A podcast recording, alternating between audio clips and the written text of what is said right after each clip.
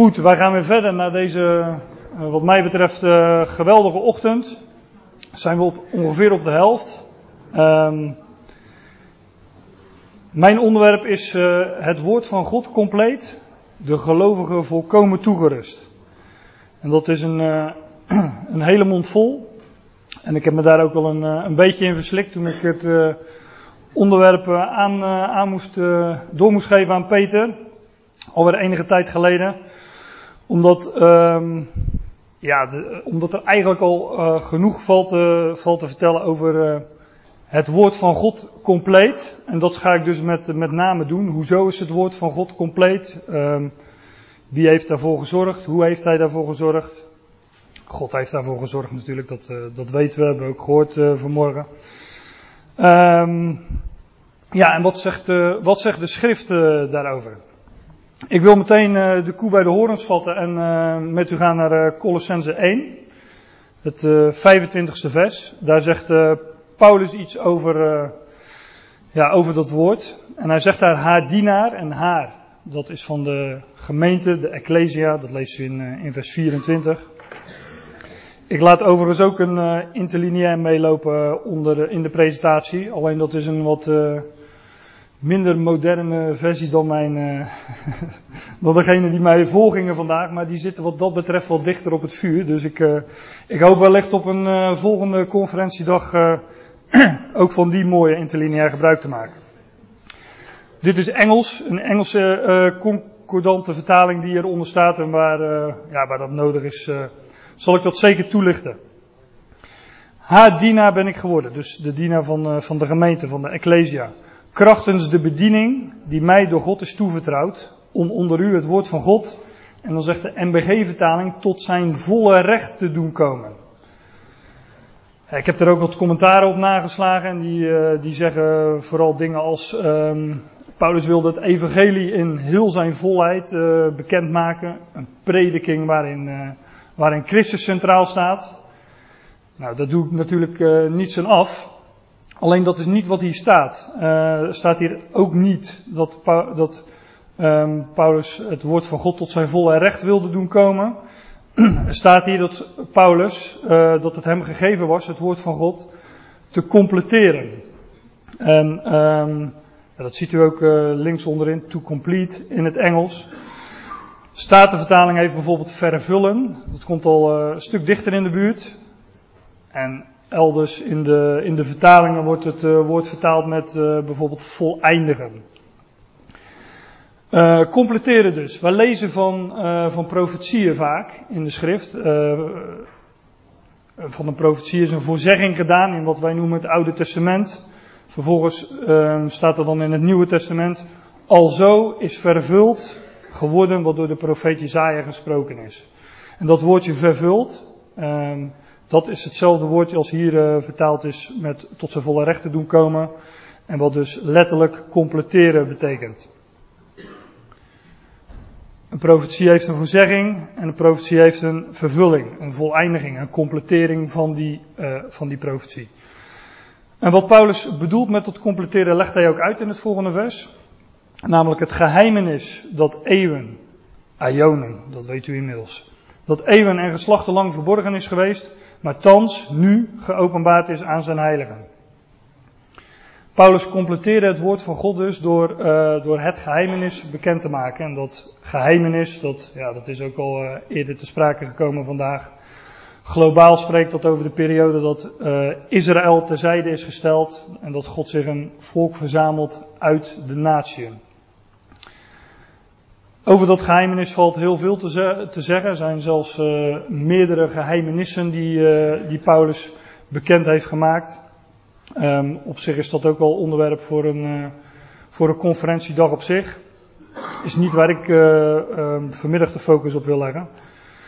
Statenvertaling heeft overigens het woordje verborgenheid. En zo wordt de periode waarin wij leven dan, dan ook wel aangeduid. Een verborgen periode die um, eeuwen en geslachten lang verborgen is geweest, maar nu door Paulus geopenbaard is aan zijn heiligen. Um, waar ik het vooral met u over wil hebben is de, completering van het woord van God zoals wij dat kennen. U weet dat dit een vertaling is, maar um, ik heb het over de, de Bijbel, de schriften, dus de completering van de schriften.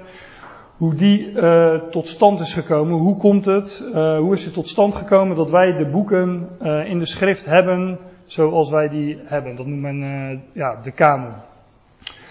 Um, de traditie leert, maar ook daar hebben we het over gehad vanmorgen. De traditie leert dat de kanonvorming van het Nieuwe Testament, dus de Bijbel zoals wij die kennen, zeg ik het even, even heel simpel, dat die tot stand gekomen is in de derde of vierde eeuw na Christus en uh, bepaald bij een kerkelijk concilie of kerkelijke concilies. En dat, uh, dat het kerkelijke concilie uh, bepaald heeft, dit zijn de geschriften, deze geschriften behoren tot de kanon, dus dit is onze Bijbel.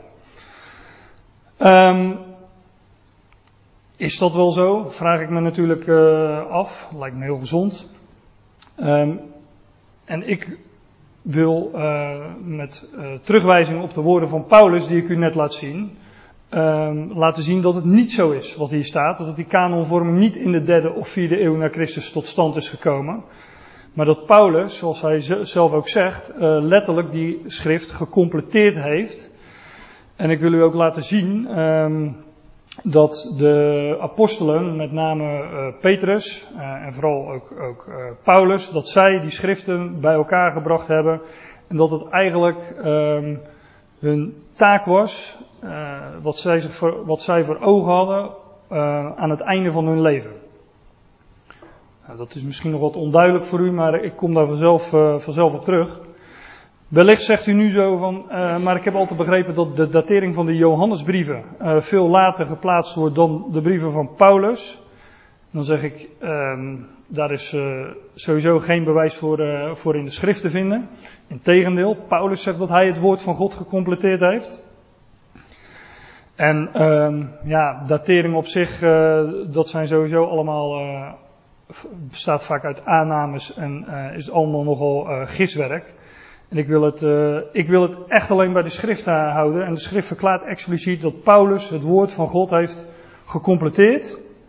En uh, ik wil u dat ook uh, laten zien. En ja, daar nog wat, wat andere bonnetjes bij geven, andere schriftplaatsen. Maar eerst wil ik u. Ehm, ehm, oh ja, dit zegt overigens de, de Telos-vertaling. Die. Uh, die zegt dat de datering van de Johannesbrieven uh, en openbaring gedateerd is tussen de jaren 60 en 95. Nou, Paulus' brieven worden ongeveer gedateerd uh, rond het jaar, de laatste, rond het jaar 67. Dus dat zou betekenen dat voor het jaar 70, en dat is ook een, een markant jaartal, dat voor het jaar 70, het jaar waarin Jeruzalem is verwoest door de Romeinen, dat voor die tijd de schriften gecompleteerd zijn.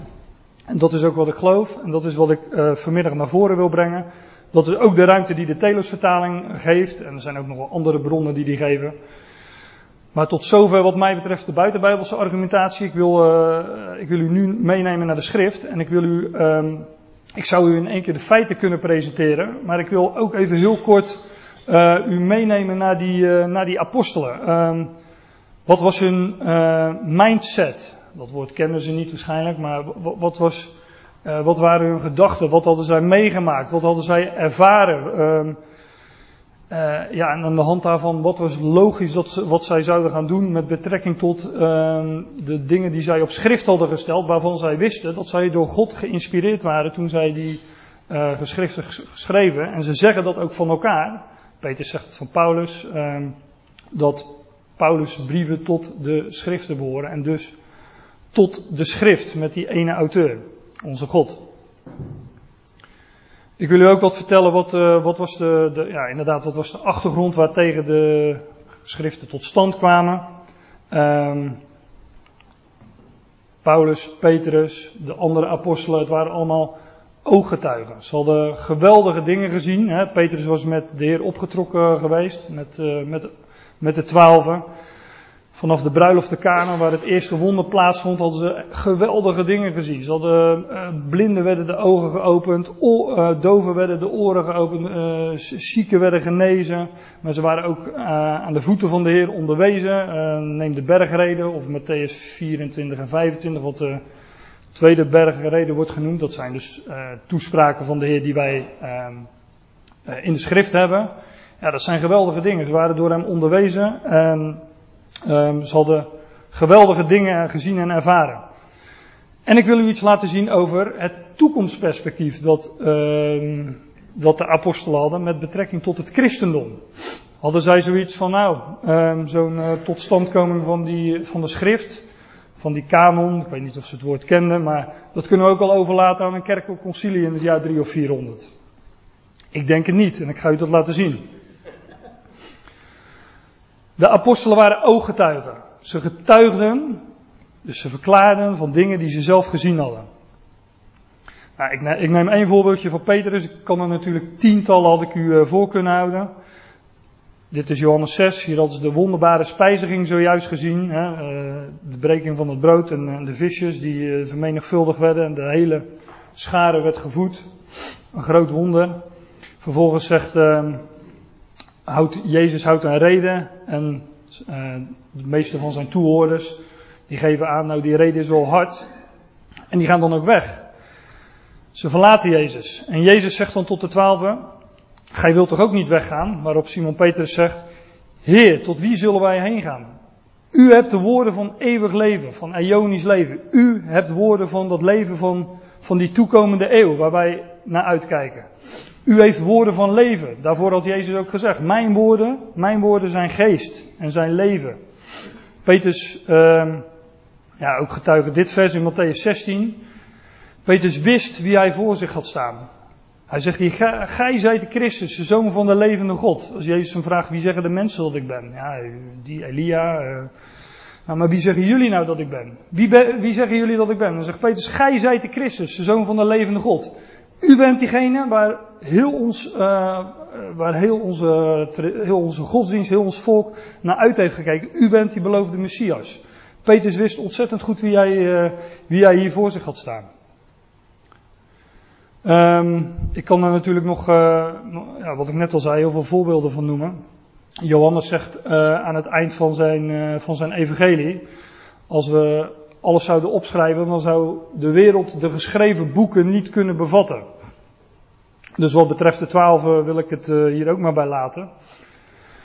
Paulus is uh, natuurlijk ook op een bijzondere manier geroepen. Hè? op weg naar Damascus. Ter aarde gevallen hoorde hij een stem tot zich zeggen. Saul, Saul, wat vervolgt gij mij?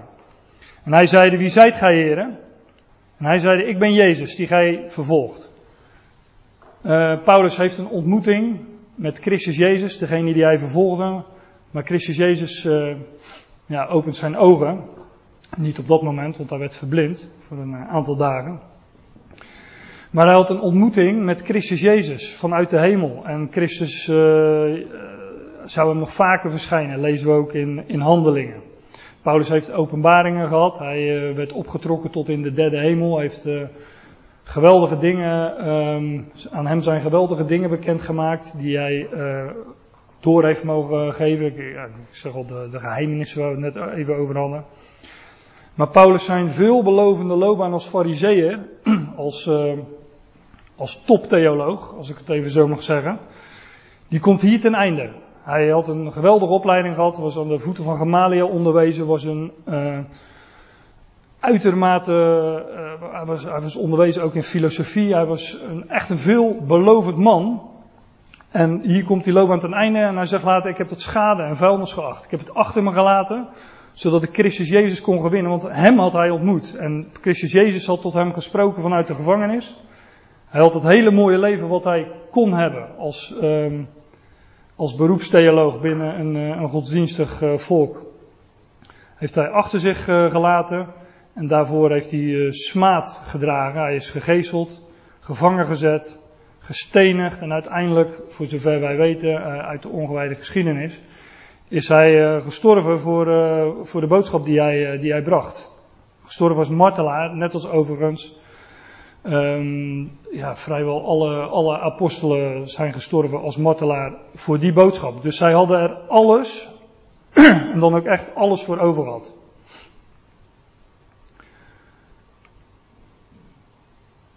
Paulus zegt, ik heb het woord van God gecompleteerd. Um, zij wisten, wij brengen die, uh, wij hebben uh, dingen op schrift gezet, die uh, door God geïnspireerd zijn. Ja, wat zouden ze nog meer hebben gedaan? Wat zou logisch zijn geweest? Die schriften bij elkaar brengen, wellicht. Inderdaad, het woord van God completeren en zorgen dat, dat de schriften bij elkaar gebracht worden, zodat wij nu de schrift hebben. Of dit overlaten aan, het, uh, aan de toekomstige christelijke wereld. Laat ik het zo even noemen. Zomaar één tekst van Paulus. Ik, uh, ik heb er toevallig onlangs, ben ik er wat dieper ingedoken. Ik heb er nog een, uh, een heel document over geschreven. Uh, Paulus noemt op verschillende plekken, gebruikt hij dit soort teksten om ehm, om de toekomst van het christendom aan te duiden, hoe hij daar tegenaan kijkt. Er komt een tijd dat de mensen de gezonde leer, we hadden het vanmorgen al even over gezonde woorden, maar er komt een tijd dat de mensen de gezonde leer niet meer zullen verdragen. Maar omdat hun gehoor verwend is, naar hun eigen begeerte zich tal van leraars zullen bijeenhalen. De gezonde leer, eh, die kunnen zij niet meer verdragen. De gezonde leer is de leer waarvan Paulus zegt tegen Titus, de leer van God onze redder. Titus 2. De leer waarvan hij eerder tegen Timotheus zegt, hiertoe arbeiden wij en worden wij gesmaad, omdat wij gehoopt hebben op de levende God die redder is van alle mensen. Beveel en leer dit. Dit zijn namelijk gezonde woorden, Timotheus. Ze zouden de gezonde leer niet meer verdragen. Ik eh, zou zeggen, probeer het uit. Hou die boodschap maar eens een keertje aan de mensen voor en dan zult u merken dat deze afwijzende houding die u op het plaatje ziet, nou die valt nogal mee geloof ik.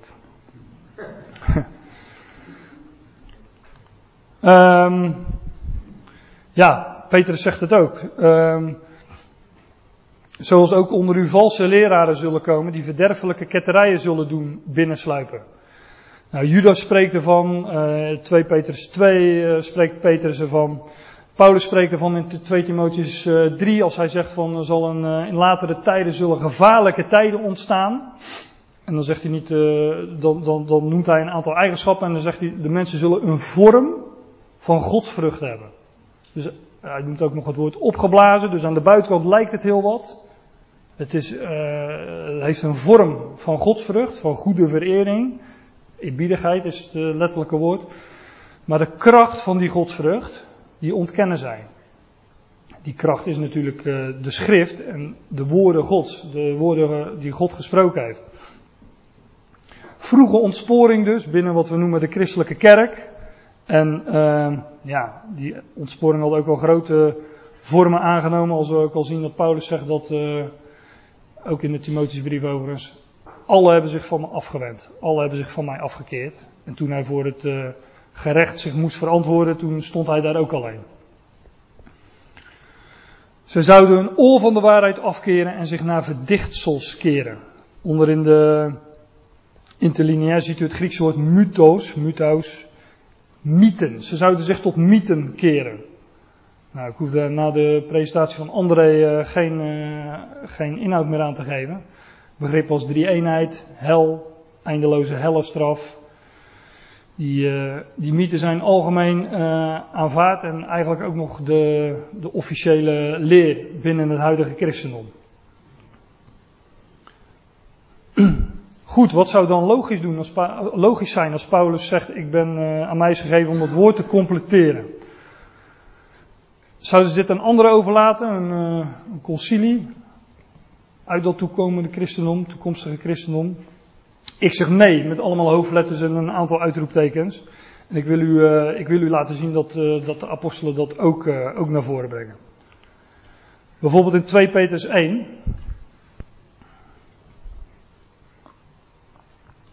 zijn wij wel vrij wat langere schriftgedeeltes. Ik sla soms een paar versen over voor het gemak, maar er zijn toch nog aardig wat versen waar ik doorheen moet. Dus ik excuseer me dat ik soms een beetje snel ga.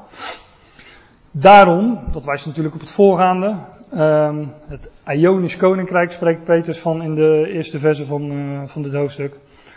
Daarom zal het steeds mijn voornemen zijn u hieraan te herinneren, hoewel gij weet, hoewel gij het weet en in de waarheid die bij u is versterkt zijt.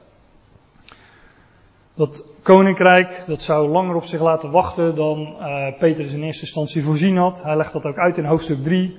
Maar zegt hij, de Heer is langmoedig over ons. Daarom zal het steeds mijn voornemen zijn u hieraan te herinneren. Omdat die komst van de Heer uitgesteld tussen aanhalingstekens zou worden. Hoewel gij het weet en in de waarheid die bij u is, versterkt zijt.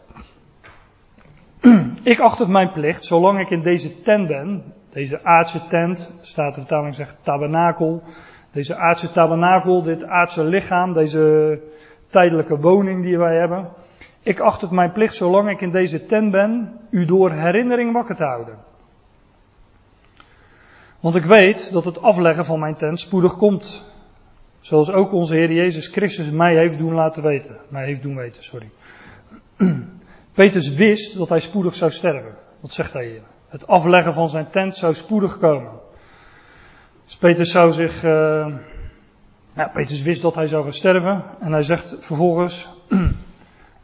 ik wil natuurlijk op de dik gedrukte en onderstreepte uh, woorden nog wat extra nadruk leggen. hij weet omdat hij gaat sterven, zegt hij, maar ik zal mij beijveren dat gij ook na mijn heen gaan telkens weer aan deze dingen kunt denken. De Heer had Petrus bekendgemaakt dat hij zou sterven, lezen we in de Evangelie.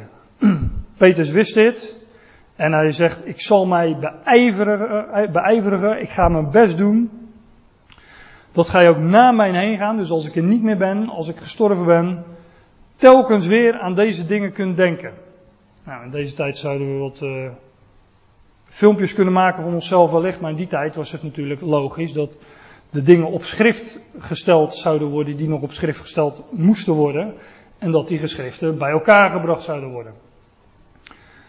Dus nou, Petrus beijverde zich om ook na zijn heen tot men, zijn lezers zich telkens weer aan deze dingen herinnerd konden worden of konden denken. Want wij zijn geen vernuftig, wij, wij zijn geen vernuftig, ja het is hoe ik de klemtoon eh, wil leggen. Wij zijn geen vernuftig gevonden verdichtsels, heeft de MBG-vertaling nagevolgd, toen wij u de kracht en de komst van onze Heer Jezus Christus hebben verkondigd. Dus wij zijn geen wijsgemaakte mythen, staat ook hier weer, nagevolgd. Dus geen woorden inderdaad van menselijke wijsheid. Niet iets wat, een, uh, wat door mens is, is geleerd, zegt Paulus uh, natuurlijk ook in zijn, uh, in zijn brieven. Maar door de geest van God. Woorden die door de geest van God zijn geleerd. die waren zij niet nagevolgd, zegt Petrus. Dat niet, maar wat dan wel? Nou, wij zijn ooggetuigen geweest, zegt Petrus, van zijn majesteit. Wij, dat zijn de apostelen, en hier in het voorbeeld um, zinspeelt uh, Petrus op, uh, op de verheerlijking, uh, op, op de berg, zoals de berg de verheerlijking. Het visioen dat ze daar kregen, zoals we dat na kunnen lezen in de, in evangeliën. Daar waren Jacobus, Johannes en Petrus, die waren erbij, die waren met hem op de heilige berg. Dat lezen we in de volgende verse die ik even oversla voor het gemak. En zij, hebben daar, zij waren daarbij, ze waren de ooggetuigen ervan. Maar natuurlijk niet alleen van die geschiedenis, van die gebeurtenis, maar van, ja, van zoveel dingen. Zoals ik in het begin van, uh, van mijn presentatie al aangaf. Wij zijn ooggetuigen geweest, wij zijn ooggetuigen geweest van zijn majesteit. En wij achten het profetisch woord daarom des te vaster. En gij doet wel er acht op te geven. Wij hebben dat profetisch woord, onderin de interlineair zit u more confirmed, meer bevestigd. De Statenvertaling heeft zoiets als, uh, ja, die heb ik afgedrukt. Wij hebben het profetisch woord dat zeer vast is. Wij hebben dat profetisch woord meer bevestigd. En wij, dat zijn die apostelen. Petrus zegt die wij, apostelen, wij hebben dat profetisch woord meer bevestigd. En wij zijn daar ooggetuigen van geweest en wij hebben dat op schrift gesteld. Gij is natuurlijk de, de lezers aan wie de brief gericht is. Nou, de volgende versen sla ik over, maar die heeft uh, André al eh, meegenomen in zijn presentatie, dus uh, nou, dat sluit prima aan. Oh, dat vers heb ik dus wel. Dit, dit moet gij vooral weten dat geen profetie der schrift een eigenmachtige uitlegging toelaat. De schrift, um, Petrus wijst in dit verband, hij zou zich beijveren, beijverigen om, die, uh, om alles wat er nog gezegd moest worden, om dat op papier te stellen en zover dat al gebeurd was, om die geschriften bij elkaar te halen. Want zegt hij, die schrift, enkelvoud, heeft één auteur en uh, laat geen eigenmachtige uitlegging toe. Hij zegt eigenlijk tegen zijn lezers, ja, je hebt de hele schrift nodig om de hele schrift te kunnen verstaan. Later in, uh, in de Petrusbrief waarschuwt hij in het volgende hoofdstuk tegen valse profeten en valse leraren. Ik liet daar net al een vers van, van zien. Die dwaalleer zouden invoeren. Dus een eikpunt, een, een, een vast gegeven, zoals ja, een vast gegeven, de schrift, was noodzaak. Peter zag dat ook in. Nooit is profetie voortgekomen uit de wil van een mens, maar door de Heilige Geest gedreven hebben mensen van Gods wegen gesproken.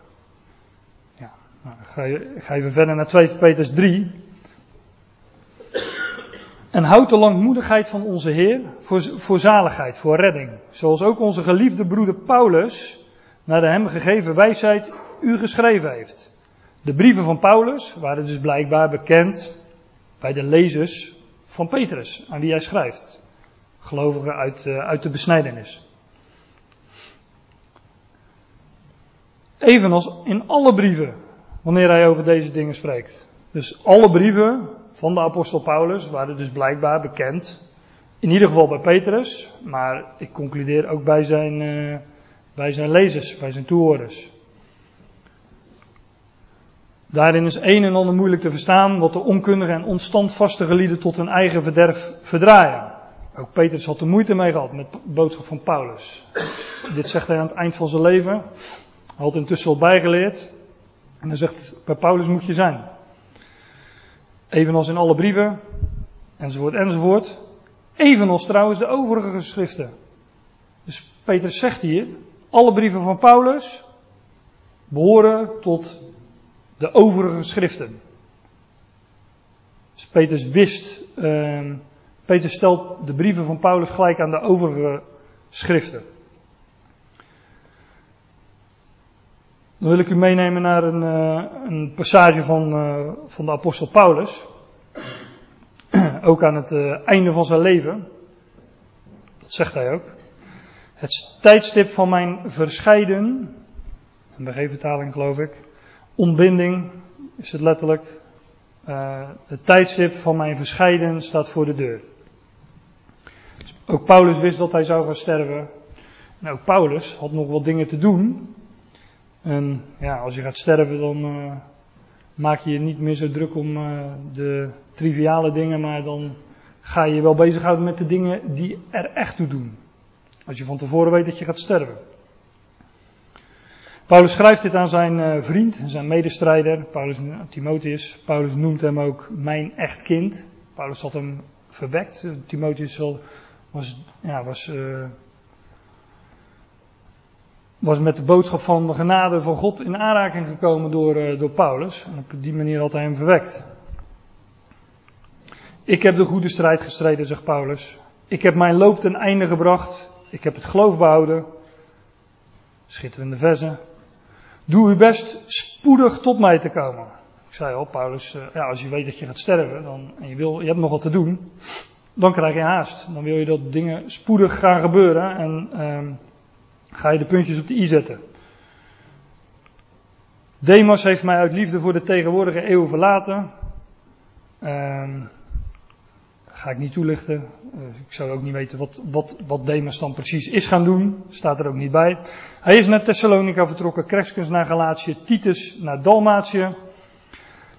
Alleen Lucas is nog bij mij. En als we het hebben over het woord van God en over de schriften en uh, schrijvers van die geschriften, dan is, uh, ik heb Marcus onderstreept, maar ik wil eerst nog even naar Lucas. Want Lucas is ook een bijbelschrijver. We hebben het evangelie van Lucas en we hebben het boek Handelingen. Dus die heeft ook een, uh, toch een tamelijk uh, uh, mooi gedeelte, een groot gedeelte voor zijn rekening genomen als schrijver van, van de schriften. Haal Marcus af en breng hem mee, want hij is mij tot veel nut voor de dienst. Marcus was een neef van, van, van, Barnabas. Ook een, ja, behoren tot de kring van intimie van Paulus.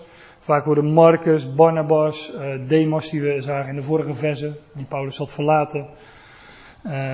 die worden allemaal in één adem genoemd in, bijvoorbeeld de brief als, als, de brief aan de Colossense. Maar Marcus wordt door Petrus mijn zoon genoemd. En een zoon is in de Bijbel uh, niet per se een, eh, een, vleeselijke nakomeling, maar een erfgenaam. Petrus had uh, Marcus niet, uh, niet verwekt, maar hij was een, een, een, erfgenaam van hem. Hij had, hij had hem iets na te laten, of hij had hem al iets nagelaten. Marcus was de rechterhand en de opvolger van, um, van Petrus, zo zouden we dat kunnen noemen. We zagen net waar Petrus mee bezig was aan het einde van zijn leven.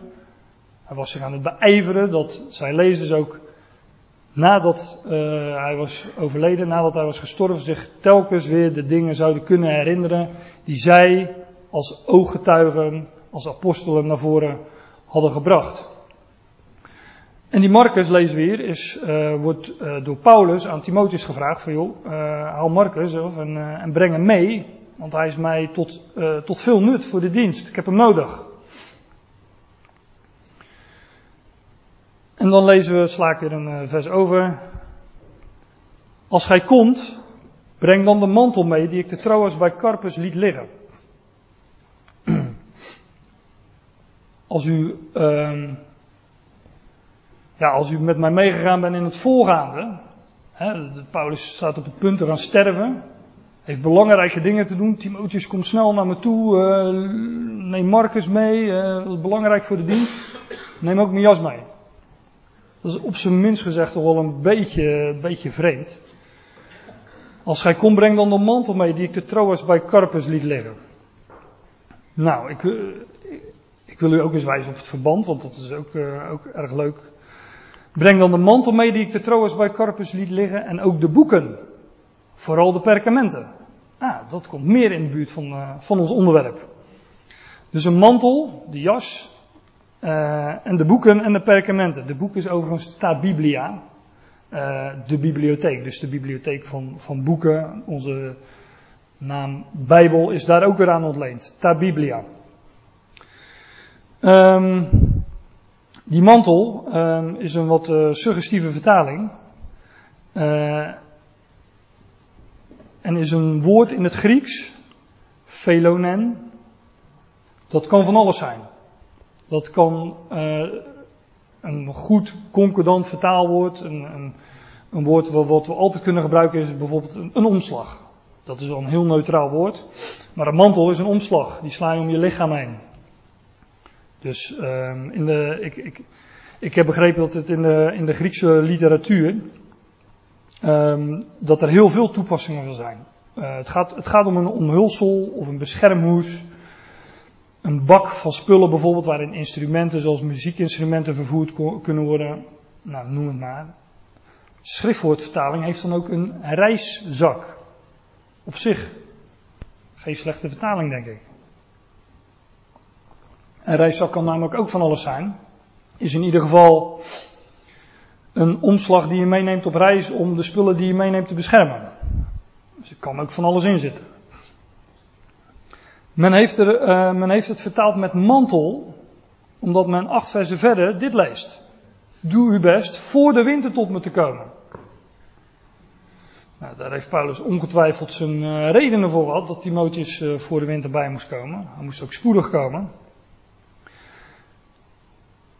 Maar een verband acht versen verder opzoeken, dat kan, dat, soms is dat prima. Maar hier ligt het verband veel dichterbij, namelijk in hetzelfde vers. Als hij komt, breng dan de omslag mee, die ik de Troas bij Carpus liet liggen. En ook de boeken, ta Biblia. Vooral de perkamenten. Perkamenten zijn overigens, um, daar schreef men op, dat waren dierenhuiden, dus wat, wat duurzamer dan papier. Uh, perkamenten. Neem ook de, de, de omslag mee, die ik de Troas bij Carpus liet liggen. En ook de boeken, vooral de perkamenten. Nou, ik heb wat moderne versies uh, afgebeeld van een uh, omslag voor, uh, voor documenten. Hè, waarin je documenten kunt ordenen. Die eerste twee, die, die, dat zijn nou niet echt de meest aangewezen dingen om mee op reis te nemen, maar het is meer om, om u te laten zien, om, om u daarbij te bepalen. Maar zo'n derde, die blauwe, Paulus zal ongetwijfeld een ander kleurtje hebben gehad, maar daar kan je documenten in doen en daar kan je documenten in ordenen en daar kan je ze beschermd mee op reis nemen. Paulus zegt overigens ook tegen Timotheus, uh, dat heb ik nog niet benadrukt, hij zegt neem de omslag mee. Neem de boeken mee. Neem de perkamenten mee. Dus Paulus had, niet, had het niet over een, zijn, zijn verzameling romannetjes of, of andere boeken. Timotheus wist heel goed waarover Paulus het had. De boeken, de perkamenten met die omslag. En um, Paulus had er haast mee. En um, ja, hij vraagt ook nog om, uh, om inderdaad uh, Marcus daarbij uh, bij mee te nemen. Te laten komen. Dus boeken en perkamenten meenemen. Lucas was al bij hem. Marcus moest ook meekomen, want hij was hem zeer nuttig voor de dienst. Die Marcus was de rechterhand van Paulus en Petrus hield zich ook bezig met, uh, met die schriften en zijn nalatenschap. En daarin zal hij ongetwijfeld ook, uh, zal Marcus ook van op de hoogte zijn geweest. Paulus en Petrus, met name Paulus dan, die dat zelf ook aangeeft, hebben het woord gecompleteerd, bij elkaar gebracht, voleindigd, zodat de schriften uh, allen bij elkaar waren, zodat wij heel de schrift hebben. Wil ik u straks ook nog laten zien. Zijn daar nog meer uh, aanwijzingen voor? Nou, er zijn nog wel wat andere kleine aanwijzingen. Bijvoorbeeld uh, vinden we er eentje in Galaten 2. Waar uh, Paulus zegt, en ik ga helemaal voorbij aan het verband van, van deze versen. Die bijzonder interessant zijn. Maar Paulus zegt, toen zij de genade die mij geschonken was opmerkten, reikte Jacobus, Kefas, Kefas is Petrus, uh, Jacobus, Kefas en Johannes, die voor steunpilaren golden, die reikten mij en Barnabas de broederhand. De volgorde van de geschriften van deze apostelen vinden we precies in deze volgorde in onze Bijbel en in, in, in de schriften. Jacobus 1, 2 Petrus, 1, 2, 3 Johannes. Precies de volgorde zoals Paulus ze noemt zo heeft hij ze dus ook geordend en gerangschikt in, uh, in de schrift. ja, um, links ziet u de indeling zoals wij de Bijbel hebben, naar de Latijnse vulgaat. de evangelie, handelingen, brieven van Paulus. Uh, dan, de, dan die geschriften die ik zojuist noemde van de uh, van de apostelen van de twaalf en dan openbaring. Maar in de Griekse manuscripten vinden we eerst uh, de, vinden we de volgende Matthäus, Marcus, Lucas, Johannes, de evangelie dus, dan handelingen en dan uh, die, uh, als ik het zo even mag zeggen, de, de, de besnijdenisgeschriften. Ik heb even geen ander woord. Dan de brieven van Paulus en dan openbaring. Dus eerst de Jood en ook de Griek. De, de verborgenheid waarin wij leven, de brieven van Paulus, de leermeester van de natie. En vervolgens, hè, de, we leven nu in een periode waarin uh, Christus verborgen is. En dan vervolgens openbaring, dus de openbaring van Jezus Christus, niet meer verborgen. Ja, hier valt ontzettend veel over te zeggen, over de indeling van die Bijbel. Uh, ik heb ook een geweldig uh, boek gelezen over een, een uh, van Ernest Martin. Die pleit voor een herindeling van, um, van, de, van de Bijbel, dus van de, van de schrift zoals wij die kennen. Om die boeken weer te ordenen en te herschikken, opnieuw in te delen volgens hoe dat ooit geweest is. Omdat dat ja, ook iets zegt. 70 boeken inderdaad. Ik zal u verklappen hoe dit komt, want uh, dat scheelt weer een vraag straks. het zijn 70 boeken omdat de psalmen 5 boeken kent. In plaats van 1. Dus dat maakt die 66, waar men het altijd over heeft, maakt het tot 70. En dat is natuurlijk een geweldig getal. 10 keer 7, een volheid van 7. 10, de woorden gods. 7, volheid. Maar ook 10 keer 70, hè, de, het getal van de, van de volkeren. Nou, daar is nog veel meer over te zeggen. De Hebreeuwse Tenach bijvoorbeeld kent uh, 22 boeken. Tel die op bij de 27 van ons Nieuwe Testament. Kom je op 49, 7 keer 7. De volheid in zijn kwadraat. Dus daar valt heel veel over te zeggen, maar uh, wellicht op een, uh, op een ander moment nog eens. Ik heb nog een paar dia's. En ik heb uh, geen tijd meer, maar ik, uh, ik ga ze toch even doornemen. 2 Timotheus 3. Daar zegt Paulus tegen Timotheus dat jij van kind af aan de heilige schriften hebt waargenomen. Dus de schriftwoordvertaling. Die in staat zijn jou wijs te maken door redding in het geloof dat is in Christus Jezus. Overigens, um, ja, dat valt misschien niet zo op, maar ik heb, um, ik heb 2 Timotheus 3 eerdere versen al naar voren gehaald. Hè, dat in de laatste dagen gevaarlijke tijden zouden zijn, waarin de mensen een vorm van godsvrucht zouden hebben. Hier, um, in dit gedeelte, gaat Paulus ook weer spreken over heel de schrift en hoe die, hoe die schrift, uh, ja, wie die ene auteur is uh, van de schrift. In 2 Timotheus 4 zegt hij, roept hij uh, Timotheus op om, om het woord te prediken, um, um, ontijdig, wanneer dan ook, want er zou een tijd komen dat men de gezonde leer niet meer zou verdragen. Dus deze hoofdstukken, 2 Timotheus 3 en 4 met name, die zijn heel compact. Er staat heel veel in. En um, ja, zegt heel veel over, uh, over het onderwerp wat ik uh, vanmiddag naar voren wil brengen. Timotheus had van kinds af aan de Heilige Schriften gekend. En uh, daar doelt Paulus hier natuurlijk mee op de Tenach, dat, wat ons Oude Testament is. En hij zegt vervolgens, alle schrift, all, all scripture, heel de schrift, alle schrift, is door God geïnspireerd. En um, het woordje dat, uh, dat er staat, dat ziet u uh, daaronder, dat is door God geïnspireerd, is één woord, is theopneustos. God geblazen, God geademd. Kijk, wij kunnen, ik, ik zei net iets over romannetjes. Um, en dat zijn uh, zwarte letters op wit papier. En voor degene die, die Gods geest niet heeft, is, is een Bijbel dat ook. Hè? Uh, wat voor ons wijsheid is, is voor de wereld dwaasheid. Maar, als wij, maar, God, heeft in die, die blaast zijn, zijn adem, zijn geest in dat woord. En dan wordt het een levend woord, zoals hij dat deed bij Adam. Hè? Staat toen blies God in Adams neusgaten. En alzo werd de mens een levende ziel. Dus ook dat woord wat wij hebben, dat, ja, dat is niet zomaar woord. Nee, dat, dat is geest, dat is levend woord.